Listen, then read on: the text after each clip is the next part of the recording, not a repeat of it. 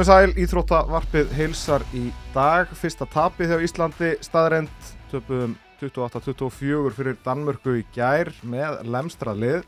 Orkill Gunnar Sigurbjörnsson og Gunnar Birgisson heilsa og við erum komið með góðan gest í dag.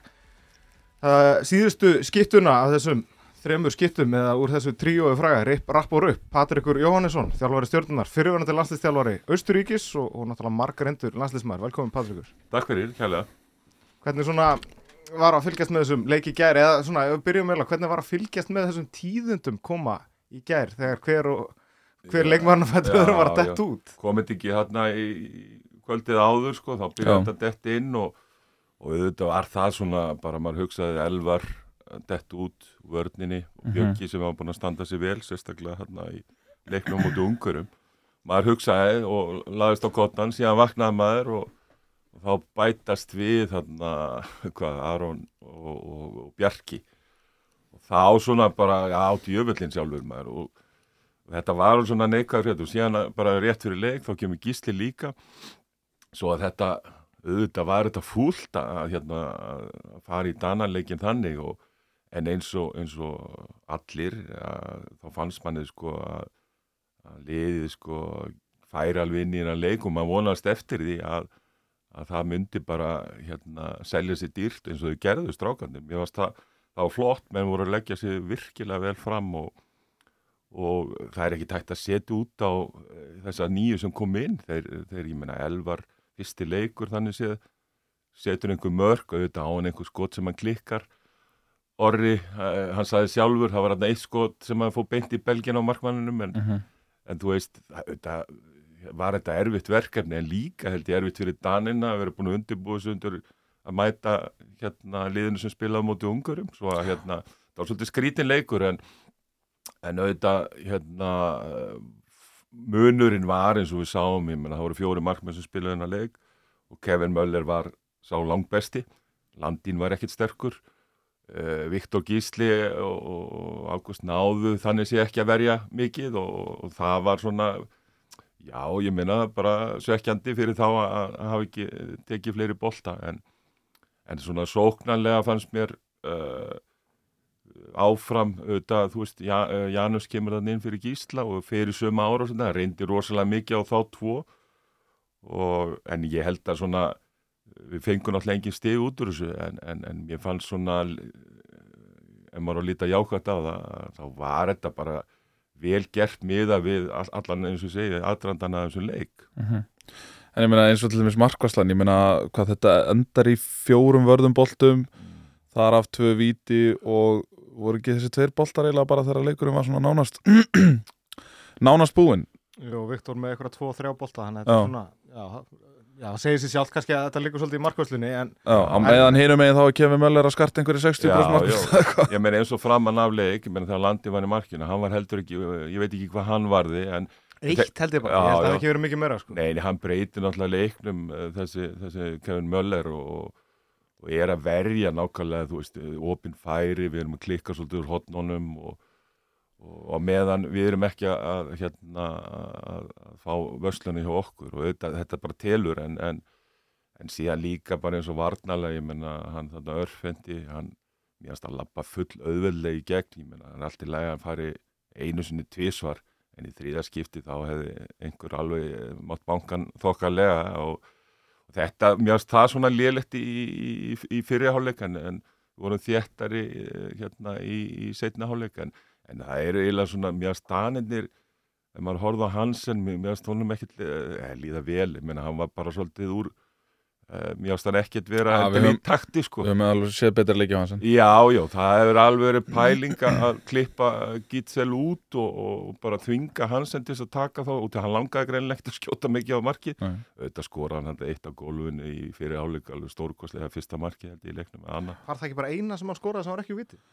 Já, og ég segi og svo kom Jakob Holm hann inn á og hann var bara Arnar Freyr sem hefur nú verið mikið gaggrindu var bara með hann í vasa Já, já, og það, það er svona mér finnst Gitzel að labbaði allt og auðvitað í gegn, það var svona þú veist, auðvitað er, er alltaf hægt að segja, ég segi bara það er bara þú veist, hefðu við farið í þessa vörn, ég menna, það er ekkit garantí að það hefði gengið upp en, en það var alveg þess virði kannski að prófa það, ég man svona í gamla dag þegar ég var með Austuríki þá, þá vorum við að spila mútið tjekkum ef við mitt á EM 2014 og þá ákvæði það að taka örfenda og, og ég var látin laus. Ég man hann horfið á mig, hann hristi bara hausinn hvað ég verið að gera eiginlega sko, þetta var bara óverðing mm. og hann tók sér nokkuð 2-3 yfir og, og svona fór þvingum að hann eiginlega bestu skiptuna til það var á- ákveðin áhætta. Og ég hef alveg kannski viljað sjá það en auðvitað, eins og segið maður maður veit aldrei hvort að það hefði virkað ég menna þá er kannski lágið bara lappað í gegn eða hvað það er en, mér finnst það svona gít, mér finnst finnst það vera pínu að þetta var ómikið, það, þú veist hann er góður og, en hann, þetta var allt og auðvelt, þetta bara flög í gegn alltaf Ég Já. verð, Gunni, að því hann misti, hérna, myndist aðeins á 2014, ég verð aðeins að grípa það bara, Mm. svona fara aðeins út úr uh, þegar þú ert með Östuríki þar. Já. Hvernig var fyrir að vera sem landslýstjálfari þegar uh, stjórnandi EM-stofunar hérna á Íslandi fer með eitthvað nasista brandara í miðunleik Íslands og Östuríkis? skelvilegt alveg skelvilegt að hérna það var bara jú, jú, ég man eftir vel eftir þessu ég menna, hann alltaf bara ringir í mig frangöndastjórnum og spyr hvernig djöfum sé í gangi og, og hvað þetta sé en, en sé, eh, síðan þegar kom í ljós að, að hérna þetta var nú ekki einhver sérfræðingur um handbólt, þetta var einhver grínusti þá svona þá breyttist aðeins en, en, en síðan kom alltaf bara aðsökunarbeini en, en þetta var ekki þægilegt fyrir mig og, og hérna, þó ég hef ekki komin nálægt Nei, þessu en þetta er bara leiðind og bara svo, breytust eitthvað samskiptin eftir þetta? Nei, nei, alls ekki, alls ekki, ekkert við mig, ég menna, það kom mér ekkert við, þetta var bara kjánalegt hjá þessum dreng og, en, en nei, nei, alls ekki, þetta var svona taktlaust og fáránlegt og, og nei, nei, en, en ég man alveg að menn voru, uh, það var ekkert mikið rætt, bara þessi frangöndastjóri sem ég er í góðum samskiptum enn í dag, hann spurði mig bara hvað, hvaða maður þetta væri sem var uh, svona vittlaus. Mm. En þú varst með Östuríska liði, hvað? Mm. Sex ár? Nei, nei, nei, átta ár. Átta ár? Já. 2000 11, 19. Já, ég var með, já, var, þetta var skemmtilegu tími og, og hérna, ég veit ekki um það alveg þegar það er í janúar og svona, þá, og maður horfur á þess að leikið, þá langar mann að vera þarna, þetta er rosalega skemmtilega þessi mót og, og allt í kringum þetta og öll vinnan og bara þetta er, þetta er rosalega eh, hérna krefjandi þetta en, en þetta gefur manni rosalega mikið og þessi átta ár voru frábær. Uh, þegar ég kem þarna 2011 þá hafði liðið einu sinni tryggt inn á stórmót bara í sögunni þau voru heldur náttúrulega móti hvað 2010 Þegar dagur var með liði. já, já, þá heldur það og síðan eftir það tryggðu þau sér inn á Svíþjóð held ég með því að vinna hollendinga þá og þá voru nú hollendingar ekki eins og þau voru í dag. Nei. en, en markmiði var alltaf að ná í að, komast inn á þessu stórmót og, og þá á þeim tíma var það tölvört erfiðar en í dag, það voru bara 16 lið, núna í dag er það e, léttara að komast inn, það er bara þannig og neini, ég var mjög ánægð með þessi ár og sérstaklega fyrstu svona sex e, maður má aldrei vera á lengi heldur, kannski svona eftir á að hyggja þá, þá hefði kannski e, maður veit ekki en, en uh, 2016-17 að þú veist uh, það hefði kannski verið tíminn til þess að stoppa. Ég fann að þetta var komið svona pínu þreita og, og þó að hérna okkur gengi ágætlega en það var oft gott, maður má ekki hanga og lengi á liðunum og ég var kannski aðeins og lengi Ég man eftir þeir í Katar á háum 2015 mm. þar sem að þú tapar bara mjög jöfnuleik við Katar sem fór í úrslutaleikin, hvað Já. 16. úrslutum. Ég leika sem domgæslan var skrítin. já, já, ég hef aldrei ég ákvað að tjá mig ekkert um það og hef svo sem ekkert gert en það var bara eh, ég er búin að horfa á hann leik ekkert oft en, en það sáu það allir og að, að það var eitthvað mjög skríti við þann leik og það voru króatar sem voru að dæma hennar leik og við eins og segi það er alltaf eitthvað kannski auðvitað að vera að tala um dómar en þetta var svo ábyrrandi að það bara það átti ekki að leifa okkur að fara áfram og eins og ég segi þetta var svona við, markmiði mitt var alltaf að koma Austuríki átta austu og ég segi við höfum náð því 2015 eh, svona íþróttalega síðan Já. en jú, jú, það var svekkjandi og, og ég, ég man nú að þeir dæmdu einhvern tíman eh, tveimur árum síðar held ég einhvern leik hjá mér og ég gaði nú á, ég rætti nú ekki mikið við það en ég, þeir voru mjög skömmustu leir Mm. þessir, þessir blessuðu menn frá Króatíu En, en uh, svona, hvað stendur upp úr á þessum ferli hjá þér sem þjálfari, ef við tökum bara þjálfari Austuríkis, hvað er það svona sem að er, er, er það þetta háin þó að það endað svona eða? Já, ég myndi segja bara þessi riðill líklega þegar við vorum með Serbum, Rússum og Bosníu að við vinnum hann eða komumst á. Ég, þá er þessar undankemni og það var eh, bara eins og ég meina lið eins og Holland, ég ætla ekki að gera lítið úr þeim en uh, Sviss sem er svona svipað eins og Östöki, þetta, þetta er lið sem voru aldrei að komast nálægt þessu voru alltaf Mhm. einhverjum fórkemnum og um, það er þessar undankemnir en auðvitað líka var ég ánað með eh, hérna, EM 2014 uh, Katar 2015 var flott mót og síðan líka þessi við lendum ofta á móti Bosni í þessum umspili um að uh, fyrir Króati held ég 2018 það var mjög stert hjá okkur, þá förum við til Bosni og, og, og gerum jættibli að vinnum þar held ég og, og það voru þessi umspilsleiki sem að sem að hérna voru mjög sterkir. En síðan eins og móti í Króati þá lendum við riðli með Nóri, Fraklandi og Hvítarúslandi Mhm. og áttum séns í kvítrúsuna en, en, en töpum því og þá var þetta það voru svona mót og eh, svona mestu vombrein voru e, síðasta mótið hérna, hvað var það, 19 í, í Danmörk og Þýrslandi það var svona mót þá, þú veist, þá því miður þá er það þannig með austursku þetta eru, þetta eru margir góður og hæfileikar ekki leikmenn sem að ég var með og, og bara fínir drengir en það sem vantar hjá þeim sem er kannski gott hjá íslenska liðun að þú, hjá, ert þjálfur íslenska landslið þá getur alveg trist því að menn eru með súrefni í 60 mínútur og, og hérna, það hefur alltaf vanta bara hjá mörgum þarna að, að svona að hugsa um þennan grunnþátt og ég talaði oft um það og það er svolítið merkilegt núna, ég er að lesa viðtal við eftir mann minn Pajovits nú töpuður öllum leikjónum og, og það er sami söngurinn sko að, að menn, já, okkur skortir styrk á móti þessum og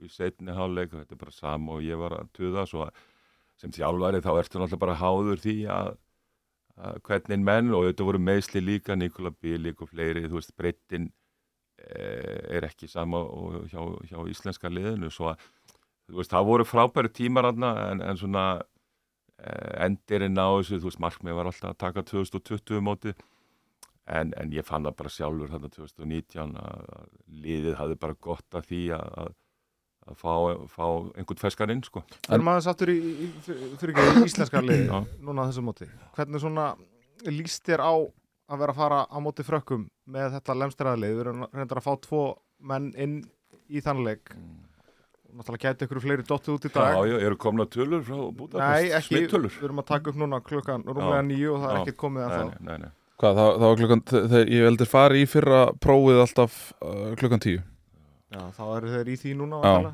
Þannig að, en, en, en bara þannig við útskýrum það allavega eftir að, eftir minni bestu vitund að þá er þetta þannig að það eru tvö skildur hraðpróf á dag og ef að það kemur jákvætt úr því að þá ertu söndur í PCR Er þetta ekki rétt skilja mér? Jú, ég, Ég bara veit það ekki, ég, þetta er svo Já, flókið það að Það er ég bara- svona eftir því sem að, eftir því sem að maður les og, og hefur Já, spurst já. til um að, að þá Já. virðist það vera svona stefnan að því það voru margir að spurja í gær af hverju er gísli að greina svona sent, eða af hverju er hann að Já. greina svona stuttu fyrir leik já, ég skil. Þú veist, af hverju er hann að fara þá í, í, í annað test eða eitthvað svo en þá var það að mér skilst einhver óljós uh, hérna, lína sem að kom fram á einhverju hraðaprófi og hann var síðan sendur í PCR og, og þá kemur þetta út þannig að En hvernig, hvernig finnst þið bara ég ég var búin að spyrja það ykkur allt öðru á en, en ef ég kem já, bara, grí, gríp þetta frá grunn Já, hvernig finnst þér þessi umgjörð að já, menn séu bara inn á hóteli með almenningi og, ekki. nefni búblu og, og svo endalus próf þá? Já, ég, ég meina í Egiptalandi þá, þá mátti, þá var þetta vist í lægi og maður, menn höfðu ágjur fyrir það mót að, að þetta erði ekkert í lægi þar og, og eitthvað, en þeir gerðu það vel, það mátti ekki vera ávonundur held ég á leikjónu nema hjá Mustafa með Egiptana, hann mætti með einhver á sína leiki, einhverja sjálfbóðalega Já, já, en en, þetta það sem maður heyrir er náttúrulega bara fáránlegt og, og hérna og mér finnst þetta líka sko að þú veist, menn vita það bara, þú veist, þeir vissu það fyrir mót að, að það þyrfti að passa sér rosalega vel og síðan að blanda þessu öllu svona saman eins og þeir segja. Og það, það er náttúrulega bara mjög skrítið og kemur á óvart að hjá EHF hérna, að, að hafa ekki bara skipulagt þetta betur. Það, þetta er mjög skrítið og, og eins og ég segi það er ekki bara við sem erum að lenda þjóðverðin lenda kannski fyrst í þessu vest síðan eru svona, króatarnir eru líka laskaðir svo að hérna, neini, þetta er bara illa skipulagt. En liðið gegn frökkum, hvernig svona Já, Hve- hvernig sérðu það fyrir þér? Ef við gefum okkur það að það séu þessir 14 sem voru gær pluss og Vignir Stefánsson og Magnús Óli Magnússon já, já, Magnús Óli, þú veist, og Vignir kom inn í þetta, bara ánægilegt að þau séu að koma hérna úr deildinni heima.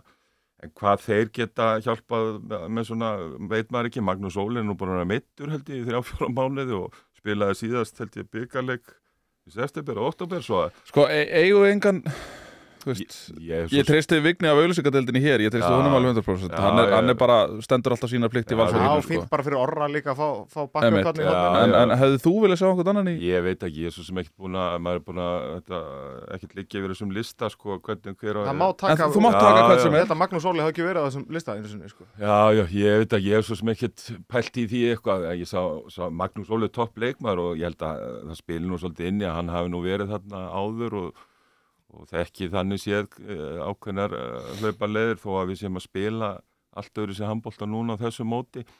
Jó, já, það er bara spurning með hann eins og segja hvað, hvað er hægt að, að ætlast til á honum þegar hann er að spila það síðast í september, sko Mhm. en, en hörku leikmar og kannski er hann bara komin í, í lag og, og þetta eru bara skrítnar aðstæður eins og er búið að koma fram að þú, þú þarft bara svolítið að púsla þessu saman bara á staðnum og ég menna það geti einhverju fleiri dottið út í dag eða í fyrramál eða svo að hérna, neini, mér líst vel, ég menna, mér finnst þetta bara ég, ég maður bara svo svektur eins og allir aðrir, en maður fer yfir aðeins bara og við vorum að tala um hérna um gamla dag með Austuríki, menna 2019 þá byrjum við þannig sem og þið verið að hjálpa mér að ég glem einhverju, Mhm. þá byrjum við með Elvar og Teitur og var ekki Haukur og Gísli kom inn á það mót Jó, sem var í Þýskalandi Já.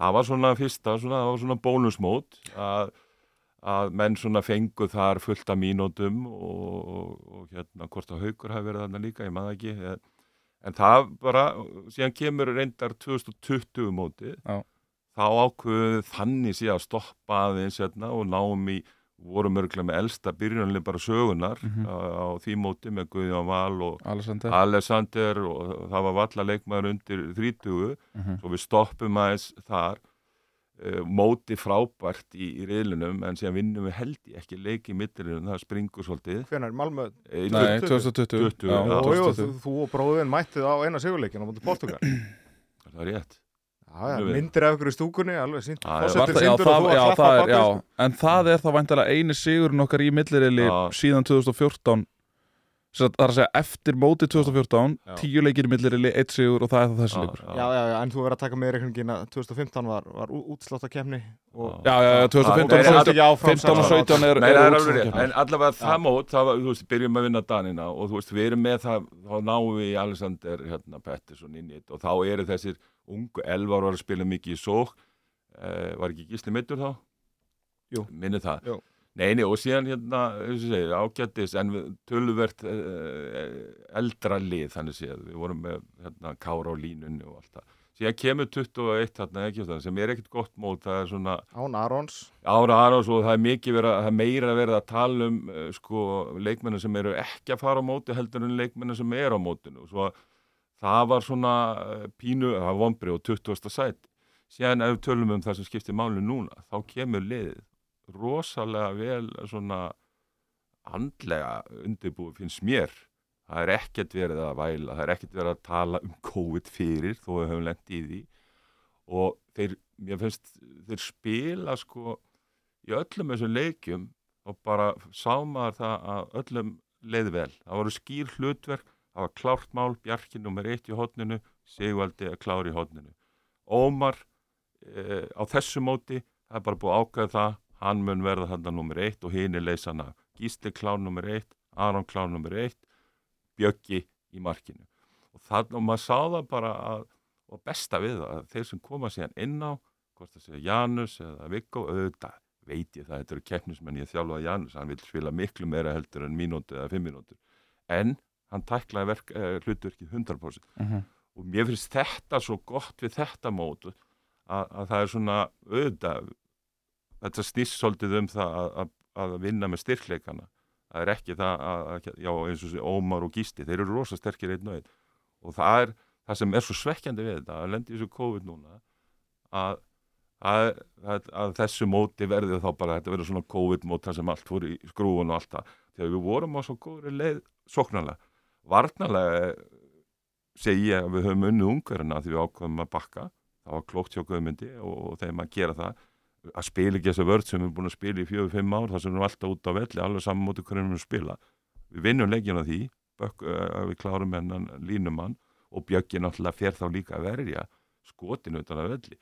Það er stundum ekkert grín að vera fyrir aftan þessa vörð þegar hún opnast og þá er þetta bara frá 6 metrum. Mm -hmm. en ég segi það, það, svo, það var svo margt gott við þetta núna eh, ef maður tekur hinn mótin á undan sem voru ekki þannig sé neitt sérstök þess vegna er maður svo drullu söktur en þú varst að spila um frakkaleikin þetta, er, er mjög frjálst hjá okkur. Þess vegna maður er, veist ég viðkjann alveg og ég get ímyndum með hvernig hérna, þjálfararnir eru og leikmennir allt þetta uh, áreit, eða svona þessar, þessi áföll eða hvernig þú þarfst að tækla út, þegar maður er sjálfur svona bara þessu að, að, hérna, að þetta skildi vera svona, en það þýðir ekkert að hérna væla, ef við verðum með samanlið á morgun og, og Magnús Óli og Vigni bætast við, þá held ég að, að sko auðvitað, sama uppleg að Ómar, Janus, það mun reyna þá að Elvar ef hann spilar og, og Daniel, við getum ekki dætlast til þess að, að þeir eru ekki þannig leikmenn kannski eh, sérstaklega Elvar sem er að fara að tæta eitthvað í gegn en, en auðvitað þarf hann að taka skotin eins og hann gerði í gæð, Mm. hann var með ágætis mörg þar líka en það verður náttúrulega rosalegt álag á Ómari, ég meina hann er að, byrja hverja líku einustu árós og Janus svo að þú veist spila líka vörð þannig sé svo að við verðum náttúrulega bara að fá líka fleiri inn. Ég meina Teitur, það var að gefa honum líka bara mínútur, ég hef mikla trú á honum, hann er búin að Mhm. spila frábælega í Flensburg, þar sem að uh, hann er komin í lið sem hendur honum stórkostlega út af því hann er með miðjumann sem stýrir honum alveg hvað hann á að gera og hann maður sá það í gær sko, hann, hann, hann, hann ég hef gott fyrir, fyrir þá sem að ekki, Já, ekki það vita nei, nei, en ég held auðvitað verið frakkaleikunum erfur og þeir eru náttúrulega búin að sjá núna þetta lið sem spilaði. Fara náttúrulega, ég meina það er ekki bara Íslendingar sem horfa á vídeo og vinna vídeovinnu, það eru öllu sem gera það í heiminum. Og svo litið og allt þetta, svo að þeir munu stútur okkur líka. Mhm.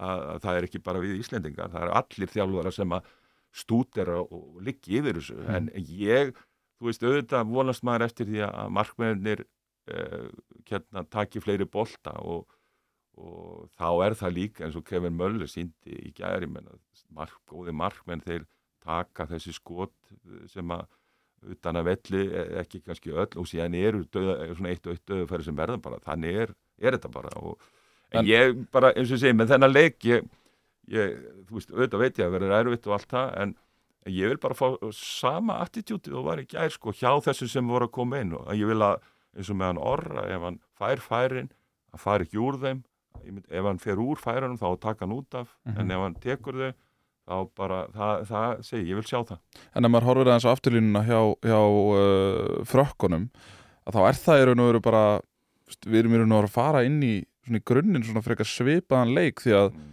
úti vinstramegin ertu með reynslu mikið leikmann uh, á miðjunni ertu með leikmann sem að getur bæði skotið og sömulegis unni, vel- með, með línunni. Já. það er að segja Karabatis vinstramegin, Kettir Maja á, á miðjunni. Já, já, og svo ertu með í raun og veru allan pakkan í hægri skiptinu Já. þeirra Díka Mem sem að getur hoppað upp fyrir utan hann getur kyrt á þig hann er með hann er rosalegur, hann er bara í, í bara ótrúlega góðu góð, hann er bara, já, það er alveg rétt. Og þetta er að að við vorum að ræða Gitsel sko. já, já, já, já, þetta er öðruvísi lið sko, ég menn hann er, þú veist, og það er reyndar ánægilegt líka bara fyrir að sjá það að, að hann, hann, hann er ekkit svo massaðasti eða þykasti uh, skittan í heiminum en, en bara tæknilega séð, þetta er bara gott líka að sjá að þetta er svona öðruvísi típur sem geta líka náð að verði heimsklassa en, en nei, nei, og frakkandi mistur reyndar hérna einhvern nýjan vardamann sem ég sá allavega Karl- Karl Konan. Konan, það er upp á sleikmannarnar Þorskels bara, bara það nafnu, Karl. Konan hann heiti það spila með Donna held ég alveg Já. ekki þarna í, í. Spila með Donna. Ég bara, og það er eitt sem að manni finnst svo magna sko að, að ég maður fyrir að kveikir á sjóðspunni og horfur á frakkana og allt einu bara einhver mættur hann sem maður ekki sé mikið, Einmitt. eh, aldrei Einmitt. karlkona og hann, hann er bara ný dínart og það er þetta, neini frakkar er alltaf frakkar og við þurfum náttúrulega eins og ég segja bara halda áfram þessari trú. Og mér fannst það flott hjá uh, það hefði svo auðvilt að vera að fara hérna, fyrir þessar leikmenn að það var ekkit stress eins og maður hefur oft séð í, já, já, í, í mótum og eins og sérstaklega í Egiptalandi þegar menn kom inn og, og held að þau þurfti að sanna sig þannig að skora þrjú mörk úr einni sókn eða eitthvað skilur þetta, Mhm. þetta var, mér finnst það flott í gerð það þarf að vera þetta áfram á móti frökkunum að, Mhm. og síðan þar náttúrulega, meni, þú vinnur ekki leiki nema að fá uh, markvösluna og uh, hérna þessi ódýru mörk að keira á það eins og Mhm. við vorum að gera mútið ungur vorum að gera mútið Hollandi þannig er handbólti, þetta er bara En væru Já. til í að sjá, að því að við vorum að ræða núna einhverja svona aðra varianta við að glíma við til dæmis eins og Gitsel mm, uh, væru til í að sjá íslenska liðið segja við veist, 35 eða 7 ára gamlan Karabatic bara, veist, þú átt að vinna okkur? En ekki díka með með já, að já, þetta er alltaf ákvörðin skilur og hérna hef, ég menna, ég ekki það alveg ég sem þjálfari, ég er mjög uh, aggressífur og hérna, ef ég sé að hlutin ef ég sé að einhver er eða hlutin er ekki að ganga, þá er ég breyti og stundum breyti maður á fljótt og allt það. Það er bara að missa hvernig menn uh, þjálfa þetta og þú veist aldrei skilur eins og það er svo auðvelt að, að hérna, vera hérna, þú ert búin að horfa á leikin á akkur fórum við ekki 7 og 6 þannig að það er svo auðvelt, þú veist ekki kannski 7 og 6 fyrir algjörði í skrúfuna. En ég er alveg, ef ég tala fyrir mig þá, ég meina, akkur ekki að fara í 31 eða, eða Mhm. hvað það er skilur út, ég er alveg búin að sjá það sjálfur í gegnum, gegnum hérna, árin sem þjálfari að stundum ertu búin að æfa einhver, einhver, einhver ákveðna varnar, ég man það sérstaklega með Selfoss, við vorum búin að æfa ákveða varnarafri síðan lendum við í úrstættakeppni múti IR og við erum okkur gengur ekki vel í seljaskóla og ég segi við Hergir Grímsson farðu hérna fram og, og, og vestu fyrir fram og hann segi hvernig á að taka, þú bara ert þarna einhverstað, tekur bara eitthvað Já. það var vörnum sem vann að þú þarf stundum líka að finna eins og ég segi, og það var náttúrulega með Hergir, bara eitt besti varnamæður hérna, fyrir framann á landinu og, Mhm. Og hérna það, þú getur gert þetta náttúrulega með þessar leikmenn. Ég segi, við erum með ellið að auðvitað væri mómentið að- brjóta þetta eitthvað upp. En, en ég sé ekkit að því heldur að, byrja áfram með hérna, þetta sístu sem við erum með og sjá hvort það, en, en, auðvitað þarf maður líka þess að segi, við, við þurfum svolítið að, að hérna, það mómentið er alveg núna að, að, að prófa. Patti, Ég- förum aðeins í, í landslisferili Ég ætlaði bara að taka undir hvað hann, hvað hann væri aggressífur varnarlega og þegar ég man að ég var að lýsa leikjáðunum uh, stjarnan Káa í byggarnum á þessu tímubili Já, Gott, þú byrjaðir ekki bara á því að taka einar úr umferð. Jú, jú, Þetta var þegar Káaliði var ennþá svona að spila sér saman. Þú var að tala Einar Rafn Eilsson, það er fullt af fólki að hlusta sem að er ekki Einar að- að- Skitt, skittan í Káa uh, eða skittan, eða hæri, skittan í Káa uh, en það, þú veist, og maður sá að það tók þá algjörlega úr. Já, já, ég meina, þú veist, auðvitað, uh, þú veist, það er alveg ákveðin nálgun í þessu og að, þú veist, ég er alveg sammálað því að allt sem hún gerir svona, við vorum alltaf búin að æfa það töluvert. Þetta eina dæmi sagði, mig sagði með Herger hérna í ústættukjönd múti í, það var bara svona, já, með plan A, B og C, þetta var eitthvað DE eitthvað sem að fór þar í gang. En jú, jú, mér finnst mikið átt að taka hérna frumkvæði, Mhm. varnalega og, og hérna, þú, maður þarf stundum að bregðast þig, en auðvitað hangir þetta svolítið saman hvaða leikminn þú ert með, eins og ég nefndi þarna Hergir að ég gæti látið hann gera hvað sem er skilur og ég segi við erum alveg með leikminn í íslenska liðinu og að, að hérna til þess að aðeins að, að fara aðeins út af þessu hefnum ef, ef, nún, ef ekki núna, hvernig þá? Mér langar að fara aðeins í landsliðsferilin þinn. Patti, Þú ert náttúrulega með leikjæðastu mönnum Íslands í gegnum tíðina Hvernig var þinn landsliðsferil og, og svona hvað stendur upp úr honum? Já, ég herði Sigga Sveinsind í morgun, uh, hann var með 200, hvað sagðist, 48 leiki uh, ég var Svona hvað, 260? Nei, nei, ég var alltaf að segja 249 Já, Nei, nei, ég, ég held að segja 243 eða nú, ok, 4 já, ok Nei, nei, menn Fletta þessu upp. Já, já, þetta, ég veit að uh, ég veit að nákvæmlega hvernig það er 243 Það er ekki? 243 Já. Já. Nei, nei, hvernig var það? Ég byrjaði með snemma ég, ég, Þetta gerðist mjög hratt og ég kom inn í mistarflokk 16 ára í stjörnunni. Gunni, nei, það var Egilur Bragason sem held ég sem uh, gaf mér fyrst séns þar eða hvort það var Gunni Einars bæjastjóri uh, síðan bara verða þessi skipti að Þorberg Raðarsson sem tekur við landsliðinu Af bótan þá? Af bótan 1991 eða 2 1 og þá eh, hérna eins og, eins og gerist oft þá er ákveð að taka yngri menn inn og ég og Einar Gunnar Sigursson stórskýta, Selfossi. Við erum valdir þarna og aðalega ég sérstaklega byrjaði minn, minn landsleisverið varnarlega og það var alveg stórkoslegt að fá að vera með þarna Geir og Kristjána Hara líka og fleirum, Júla Jónasar. Ég byrjaði þannig séð komst inn í landsliðu uh, út af varnarleik til að byrja með og fyrsti landsleikur ég held að var á mútið tjekkum uh, í, höllinni.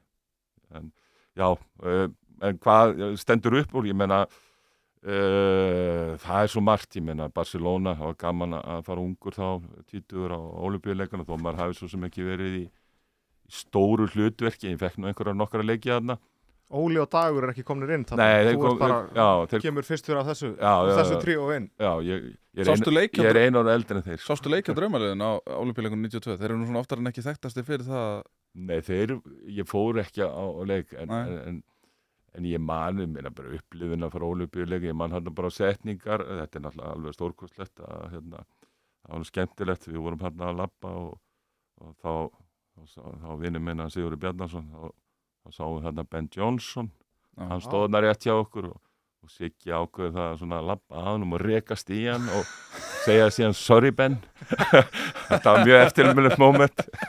Hann hefur ekkert sagt no problem Nei, hann horfði þetta á okkur með gullkæðuna sko.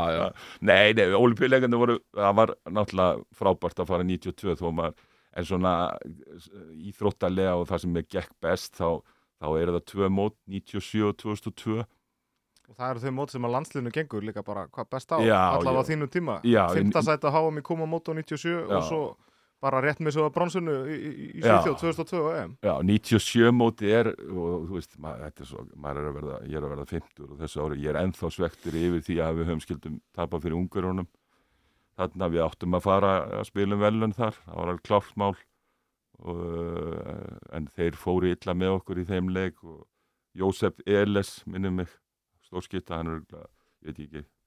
En, en þetta var allavega það mót þá, þá var rosa góð holning á liðinu eins og, eins og við vorum að spila, við vorum fínum aldri og, og, hérna, það er pínu, ég er svektu með það þó að það hafi verið, og er enn besti árangurinn, finta sæti. Hvernig er liðið þá? Eru þú, Óli og já, Dagur fyrir já, utan? Dagur og Geir á línni vantarlega Geiri og Júli spilaði mikið í vörninni og Dúra. Nóna var hann líka, Júlian Valdi Gríms og Aldi, Hvað, Bjarki, Konni held ég og Gústi Bjarna.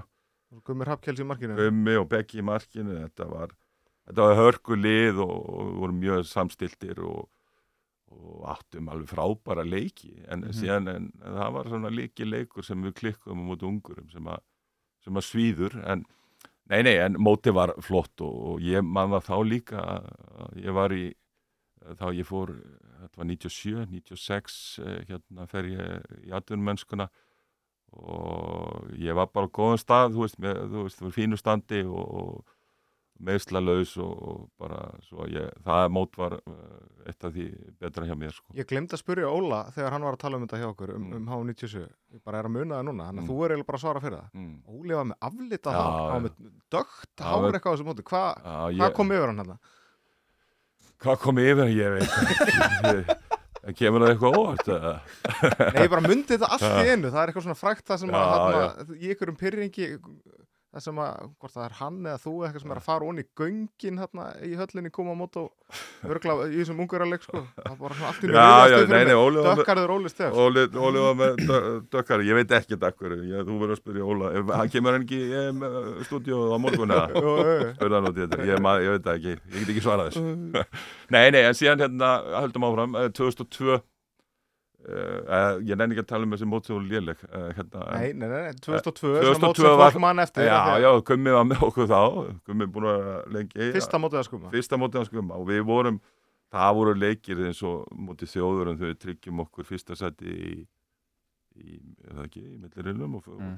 síðan það var hörku, þú veist, það var líka góð holning á liðinu þar og þar man ég að, að við breytum þannig séð hraðarflupskerfunum að við erum að bera boltan upp ég og Óli yfirleitt eða Dagur og Óli með tvo línumenn var ekki fúsi líka þá Mhm. alveg uh, frábært mót þar og þar uh, var liðið það, veist, það var rosalegt sjálfstöðt þar og það er það sem að maður sér svolítið í gegnum allavega upplýð núna í gegnum sjónvarp að maður svo horfa á gísla, þú veist, bara Ómar, þeir eru allir beinir í baki og bara hefur við erum bestir. Mhm. Þetta sá maður ekkit í Egiptalandi eða, eða mótónu fyrirskip.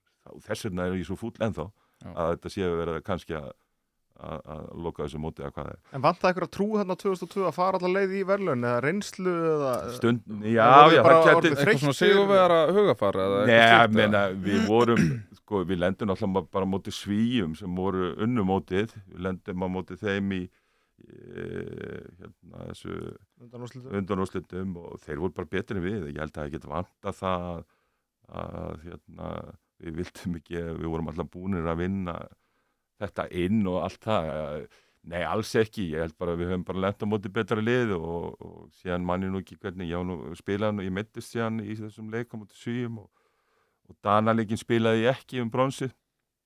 Og uh, ég, eins og segi, já, við vorum alveg með lið til þess að ná í velun þar en, en ég held að það hef ekki, ég held bara að hinn voru betri. En hvernig var að spila á móti svíjum á þessum tíma? Hvernig upplifur þess að svíja grílu Tómas Svensson og Gensel og Staffan Olsson og Löggren og alla þess að kappa Íslandir og...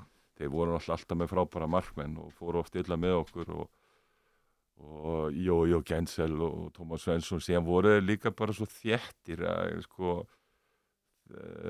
Löggren, Íslandir, Staffan þeir voru búin að spila svo lengi saman og var, við voru alltaf með sömu vörnina og, og við hérna jú, jú, þetta var bara lið sem var búin að bara, maður sá það, voru búin mjög lengi saman og líka þegar hættu þá tók síðan bara tíu ára eða hvað það er til þess að búið til nýtt lið. Svo er það kannski að hangja slá lengi á því en, en frábært lið og, og ég man það eins og með Gensel það var ekkert grín að að spila móti honum sko. Ég sá að það er einhver tölfræði að það séu 10 sigurleikir og 54 tapleikir á móti svíum að það sé eitthvað svo leiðis. Þannig að svíja gríla er kannski alveg rétt nefni sko. já, já. En ég meina það kom þarna bara sérstaklega eins og á þessu tíma bara sé hverju með við aldamótin að ég meina þú keftir ekkit við svíjana Nei, nei, það var svona fyrsta, var það ekki þegar allir var með lið og við tröðum okkur inn á, Háum 2007 já, leikurinn í höllinni. Mhm. Það var svona alvöru svar og jú, jú, ég tek það bara á mig og þeir sem voru í liðinu fram á þeim tíma að, að, að hérna, við náðum með, þeir, fóru, þeir voru sterkari við á þeim tíma. Það- En eh, Patrikur, náttúrulega, já, varstum Austuríki átt ár. Hýtlarið eitthvað að komast aftur í þennan landslega bolta Það var einmitt það sem ég ætlaði að spyrja á hann Voru einhver tilbúð? Já, er tilbóð, ég menna það kom, kemur alltaf eitthvað, það var, ég ætla svo sem ekki að fara nánur út í það, en ég var í viðræðum við... Jú, jú, farið nánar út í það, hann má segja allt hérna. Það fer ekkert, það fer ekkert lengra. Nei, nei, það kemur alltaf eitthvað en, en, en hérna, ég fekk símtal á sínum tíma þarna þegar Alfred saði nei við rússana. Já, og, ok. fór, og tók við þjóðurunum þá alltaf þurftu þeir og þá var Sýnum tíma var það ekki bara í fyrra Já, já, eitt og halvt ára eða eitthvað. Nei, nei, jú, ég heyrði í einhverjum þarna frá þeim en, en síðan var það ekkert úr því og, og, og er, hvort þér hafi talað við tvo og þrjá eða tíu, veit ég ekki skilur en endanum var hérna Petko, Petkovic hérna ráðinn og neini og síðan eh, hefur komið eitthvað en, en ég, það, ég er ekkert að fara að flytja frá Íslandi, ég ætla, ég ætla að vera hérna og mér líður vel og ég er ekki til í það að vera hálftón einhvers staðar. Já, þannig að þú ert ekki að fara í, í Ekki eins og staðan er í, í Nei. dag, nei, nei, og ég, eins og ég segi, maður er alltaf að fylgjast með ef það, ef það koma hérna eins og með Austuríki og þú veist, ég held að myndi henda mér best að vera með þýskumælandi hérna, Mm. ég, ég er betri þjálfari á þýsku heldur en einsku. Er íslenska landslega ekkert á, svona á bucket listanum einhvern tímann? Já, ég meina, ég held að allir þjálfarar sem að hafa einhvern metnað, að, auðvitað, ef að það myndi einhvern tíman bjóðast, þá, þá myndi maður auðvitað hérna, skoða það, en, en ég er svo sem ekkert mikið að velta þessu fyrir mér, að, að, en auðvitað þarf maður eins og segja að bara standa sig áfram það sem maður er að vinna í dag. Ég er hrikalega ánaður í, í mínu liði, uppeldisfélagi í stjörnunni í dag, það sem að ég kom fyrir hvað einu hálfu tömi þá, þá var þetta nú ekki, ekki neitt rosalegt, þetta var allt á niðurleið og, og, Já, ég var bara miklar ágjör að því að, en við erum að ná núna þar að byggja upp og ég einbytti mér að því hvort síðan einhver tíman uh, ég hef fæ hérna, möguleika þjálfa íslenska landslið og önnur landslið, það, það kemur bara ljós en, en, en ég vikinu það alveg að þessi tími með Östuríki að vera á þessum mótum og þetta er, þetta gefur og, og þetta er gaman en þetta er líka eins og segi uh, græfandi en jújú, jú, ég Ma, maður sé bara hvað gerist. En með stjórnuna, það hlýtur að kýtla að vilja fara alla leiði mitt með stjórnuna, þessi prójekt hérna á Íslandi sem þú fengið að fara alla leið með, þú svo sem fjagst það ekki með val en, en fjagst það með Hauka og, og Selfoss og, og skilðar Íslandsmeistra tillum þar. Mm. Þú hlýtur svona að vera einhvern veginn í, jó, jó. sama verkefni með stjórnuna núna til, allavega til lengri tíma leið. Er ekki spurning og, og ég er bara það heppin með, með leikmenn að og hérna núna sem ég er með í Garðabænum, þetta er góð blanda hjá mér, ég er með leikmenn eins og Tandra og Gunnarstein sem eru búin að vera atvinnumenn og eru enn hugsa eins og atvinnumenn, lifa eins og atvinnumenn uh, varðandi þennan líkanlega þátt og bara hvernig þeir hugsa handbólta síðan er ég með yngri leikmenn eins og ég var að nefna Dagauta, Hafþór sem er að stefna á atvinnumennsku mm -hmm. og síðan er ég með fleiri stjórnu uppaldagæja sem að starra, rannar og fleiri sem að hafa hjarta fyrir klubnum svo blanda, ég er hrikalega ána með blönduna. Ég er með góða hérna, umgjörðu kringu liði núna. Bestu vítaskiptuna í dildinni Besta Leo, leiri, þú veist, neini, þetta eru frábæri drengir og en auðvitað, eins og ég segi við, það, þetta er ákveðin skref alltaf og það eru hérna en bara við náðum að brjóta þennan múri fyrra sem stjarnan hafði aldrei gert að komast í undanústi, þannig að ég náðu sér ekki eins og sjálfur, því ég var leikmaður fyrir 30 árum, sko, aldrei gerst. Mm -hmm. og þetta lið er eina lið sem við náð því og núna fyrir partun á mótunu þá, þá hérna vorum við kannski ekki alltaf með fullið en samt erum við tveim stíðum eftir hérna eftirleginu átjánstíð svo ég er ánaði með þetta en ég veit alveg að það þarf uh, meira. Menn þurfa að, að gefa enn meira í og, og, og hvort að við, hérna, við viljum berjast um alla þessa tilla og, og ég segi það stjarnan í dag er, er tölvert uh, betarlið heldur en fyrir nokkur mánum Gunni, ég meit hérna uh, Robert Julian Duranona, hvað er hann í dag? Ertu ykkur samband við Duranona? Þið spiluðu náttúrulega saman, er ekki bæði í K.A. á landsliðinu? Þetta var miklu betur enn það sem ég var með Heyrðu, nei, ég veist ekki ég... Náður hann ekki með K.A.? Já, jú, við spiluðum saman með K.A. Indislegur maður og, og, hérna, og í landsliðinu líka og, og bara skemmtileg, skemmtileg frábær handbóltamaður og við vorum góði vinnir og Uh, hérna, síðan, nei, ég misti bara svolítið samband við hann. Uh, hann fór náttúrulega að spilaði lengi í, Þískalandi, fór flakkað þarna á milli. Ég frétti að því að, að hann og konan hans hefðu opnað kaffihús í Essen þar sem ég bjó okay. já, já. hvort að það kaffihús sé ennþá að vinna með það, veit ég ekki mm. Neini, ég hef því. Þannig að ef við ætlum að, svona, hef ég eitthvað engaspæðar að leita aftur og núna þá ætlum við að byrja í SN á okkur kaffehúsi. Já, þar myndir leitan hefði. Já, já, það, ég held að... Þau eru náttúrulega ekki mörg. Nei, nei, nei 700 hús. Nei, en hérna, ég, ég er ekkert að byrja með það. Þau, þau voru með það, einhvern rekstur þar og þegar hann var hættur að spila. En nei, nei, ég veit ekki hvað hann er, en, en, en það verður nú bara gaman að komast að því. Ekki fara að flytja hann inn til Íslands ég menna þetta er bara svona, svolítið, hann er svolítið greiftur í þjóðasáluna mm. Já, ég menna fá hann í EMU stúdíu með Óla, Degi og Lóa mm. Það er það, það sko á Íþróttaminjasafn og Akranesi. Hafið komið þáka? Það er ekki margir komið þáka, ég komið þáka Þar er lópapissa af Dúra Nonna, hangir á kínu hún er ekkert eðlilega löng sko. Hvað var hann stór?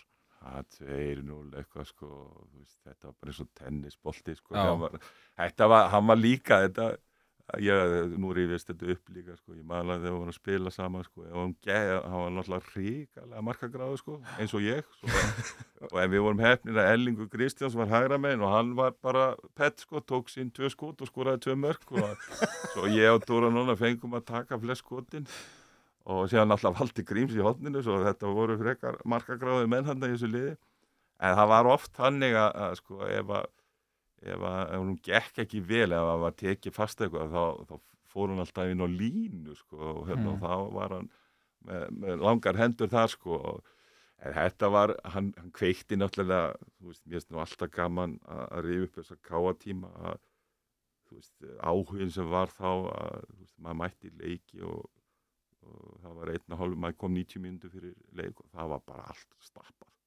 og hann náttúrulega þú veist, þegar hann skoraði þá tók hann fimm á, hérna, hann mætti nú ekki í dag út á góðvits og törnum sko, hann tók fimm á alla línun og hann var náttúrulega bara skemmtikraftur.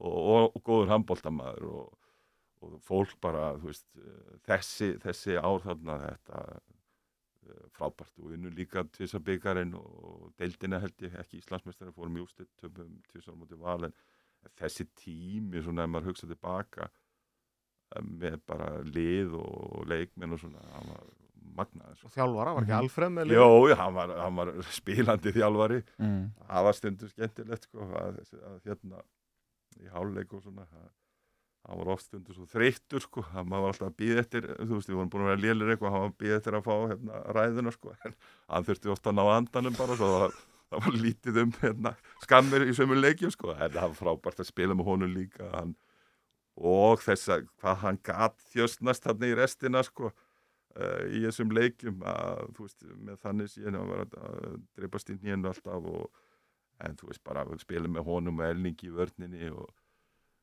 það bara frábært sko Mm ég hef alltaf, ég myndst alltaf gaman að tala um þennan, þennan tíma Algjörlega ég, eins og sé, ertu ert, ert, með meina það? Nei, bara ljúka þessu með, með leiknum á, á morgun bara Já. svona, hva, hva, hvað tilfinningu þú hefur þú hefur verið að tala um Já, frakkana já, bara jú, svona, jú, hva- ég bara, þú sko. veist, mér, gerum, göngum út frá því að við séum með sama hóp og þá bara verður þetta vonandi eh, bara svipað í gær, það sem að, það sem að Ómar og, og Janus og hérna verða í aðalhutverkum og Sigvaldi, hann mun eiga góðan leik og, hérna, ég bara von, þú veist, að þetta verði bara sama attitútið, það, það getur enginn gert kröfum það að við séum að fara rúlega yfir frakkana en, en það er alltaf séns í öllum leikjum, það er bara þannig að maður séð það í, í, í svo mörgum leikjum og bara þessi trú og við bara náum í, í stig eða, eða eitt eða tvö, það er bara þannig. Fáum upp vörn og markvist Já, já, ég veit að þetta er svo auðvilt að segja þetta. Ég, og ég vona bara innilega að, að þetta verði sama sjálfströstið og, og, og menn fari ekki eitthvað panik, það var ekki gær. Patrikur Jóhannesson, takk hérlega fyrir komuna. Gunni, við verðum hérna áttur á, á sunnudaginn. Já, sunnudaginn já. Og þurfum að vekja einhvern á sunnudagsmótni til að, já, við þurfum að, við þurfum að rífa einhvern af, af fætur eins og, eins og við gerðum við patta, það er nokkuð ljóst. Hérna, nei sko, reyndar eitt í þessu. Við erum aldrei að spila dag eftir dag er það nokkuð? Nei, nei, Nei. Ekki, ekki á þessu móti Nei, af því að, Ekki, af ekki því eins að og Patti sem spilaði hvað hinn, Þrjá hinn leiki í röð á EM 2002 og svo kom eitt kvildadagur og svo aftur þrjir í röð bara það fór nýðið líka Já. það voru átta leikir á tíu dögum að því að nú eru uh, hérna, hinn milliriðlinn, hann er að spila aftur í dag Já, að- Nei, við spilum hvað, mánudag, migudag Já, alveg annarkvært dagur og ef Mm. við færum í undan úrslit þá var það bara áfram annar, annarkvært dagur sko. Mhm, Þú, mhm. var þér ekkert bóðið með bróðinum, fórsetanum út að því að hann fór í ger? Já, já, hann spyrir hvort ég vildi koma með hvort ég vildi, uh, hérna en, en uh, já uh, ákvað nú við erum æfingarleiku F á í kvöld og grótti í næstu viku og það er bara fókus á mitt en, en já, Þú fær með honum í úrslitin? Ég fær með honum úrslitin. En- það er alveg klárt mál. Já, svo glemdu við nú alveg að taka það á umræðu. Já, já, Allt E- það. að ég sem- veit þetta, sko, hérna uh, sonur þinn, Já. hann er nú búinn að vera í hóp hjá stjörnunni. Já, Við höfum þetta kveðja miklu fyrir, núna allt í hennu alveg kemur handin yfir okkur sko. ef að taka í byrju, P. En, en, já. Já. sem er bara og, og, og hefur verið í langa tíma Já. bara einn af vinsalistu tónlistamennum landsins uh, Við erum að kjósa hérna á rástuð er ekki lag ásins, eða það er búið það uh, Já, ja, það, er er hlustendavelunin sem við það já. tala um, Jú, Jóa við í kjósum í því líka En hvað hérna er, er, er áhugin eitthvað að færast meira yfir í handbóltan? Já, já, engin spurning. Jói náttúrulega hefur uh, sko, uh, hérna, verið að æfa handbólta en síðan náttúrulega þegar þetta tónlistardæmi hann og Kitty voru, eða Króli voru þá náttúrulega datt náttúrulega eðlu út. Það var alltaf nóg að gera svo, en núna eins og þessu COVID og svona, hann er í listahóskólanum núna að, að þá hefur hann haft miklu meiri tíma að æfa og ég, þú veist, það er alveg handbólti í honum, hann er með tölvöld meiri stökkrætt en ég, hann hefur alveg ákveðin úlið en, en hefur aldrei náð svona að æfa almennilega yfir lengri tíma og, og núna eins og ég hef sagt við hann að ég meina, hann hefur verið með sérstaklega núna eins og þetta spilast, það voru svo margir uh, líkil menn hjá mig sem voru meittir svo að hann og, hefur fengið alveg að æfa með okkur og Búin að vera hóp í já, já, og það eru framfærir hjá hann en auðvitað tekur allt svona tíma en, Mhm. en það er mikill metnari Jó er hérna auð, uh, hérna, skrítið kannski segja svona svona, hann er þetta er bara uh, mjög duglegu strákur þar sem hann tekur sér fyrir hendur og, en uh, núna hefur hann tíma fyrir handbóltan og, og það er aldrei að vita nema eftir uh, að hann fái fleiri mínútur. Hvernig er að vera samt með svon sinn í liðinu? Það er ekkit mál maður. Ég er nefnilega, þú veist, þú veist ég mann eftir þegar maður var á skíðunum sjálfur og, þá var pappi mikið að þjálfa mann og svona, þetta er, þetta er svona mikilvægur föður sonar tími sem að Alveg. maður kann að meta setna mér, sko. Nei, nei, ekkert mál, skilur. Ég er bara, þú veist, ég meina, ég kótsa hann bara eins, ég auðvitað verður maður að passa sér líka að það bitni ekki á honum eða, eða, þú veist, nei, nei, ég er bara þannig að hann er bara leikmaður hjá mér þegar við erum inn í sal, þá er hann ekkert öðru sér heldur en einhver annar og nei, nei, hann, uh, það trubla ekki neitt, sko, Nei. alls ekki. Patrikur Jóhannesson, núna þökkum þér aftur fyrir komuna, ég er alltaf vondi kallin í, að kveðja, en takk Já. hérlega fyrir að koma til okkar og, Takk kella fyrir mig. og við gunni heyrum í ykkur hlustendur aftur á, á sunnum. Takk og bless. Takk.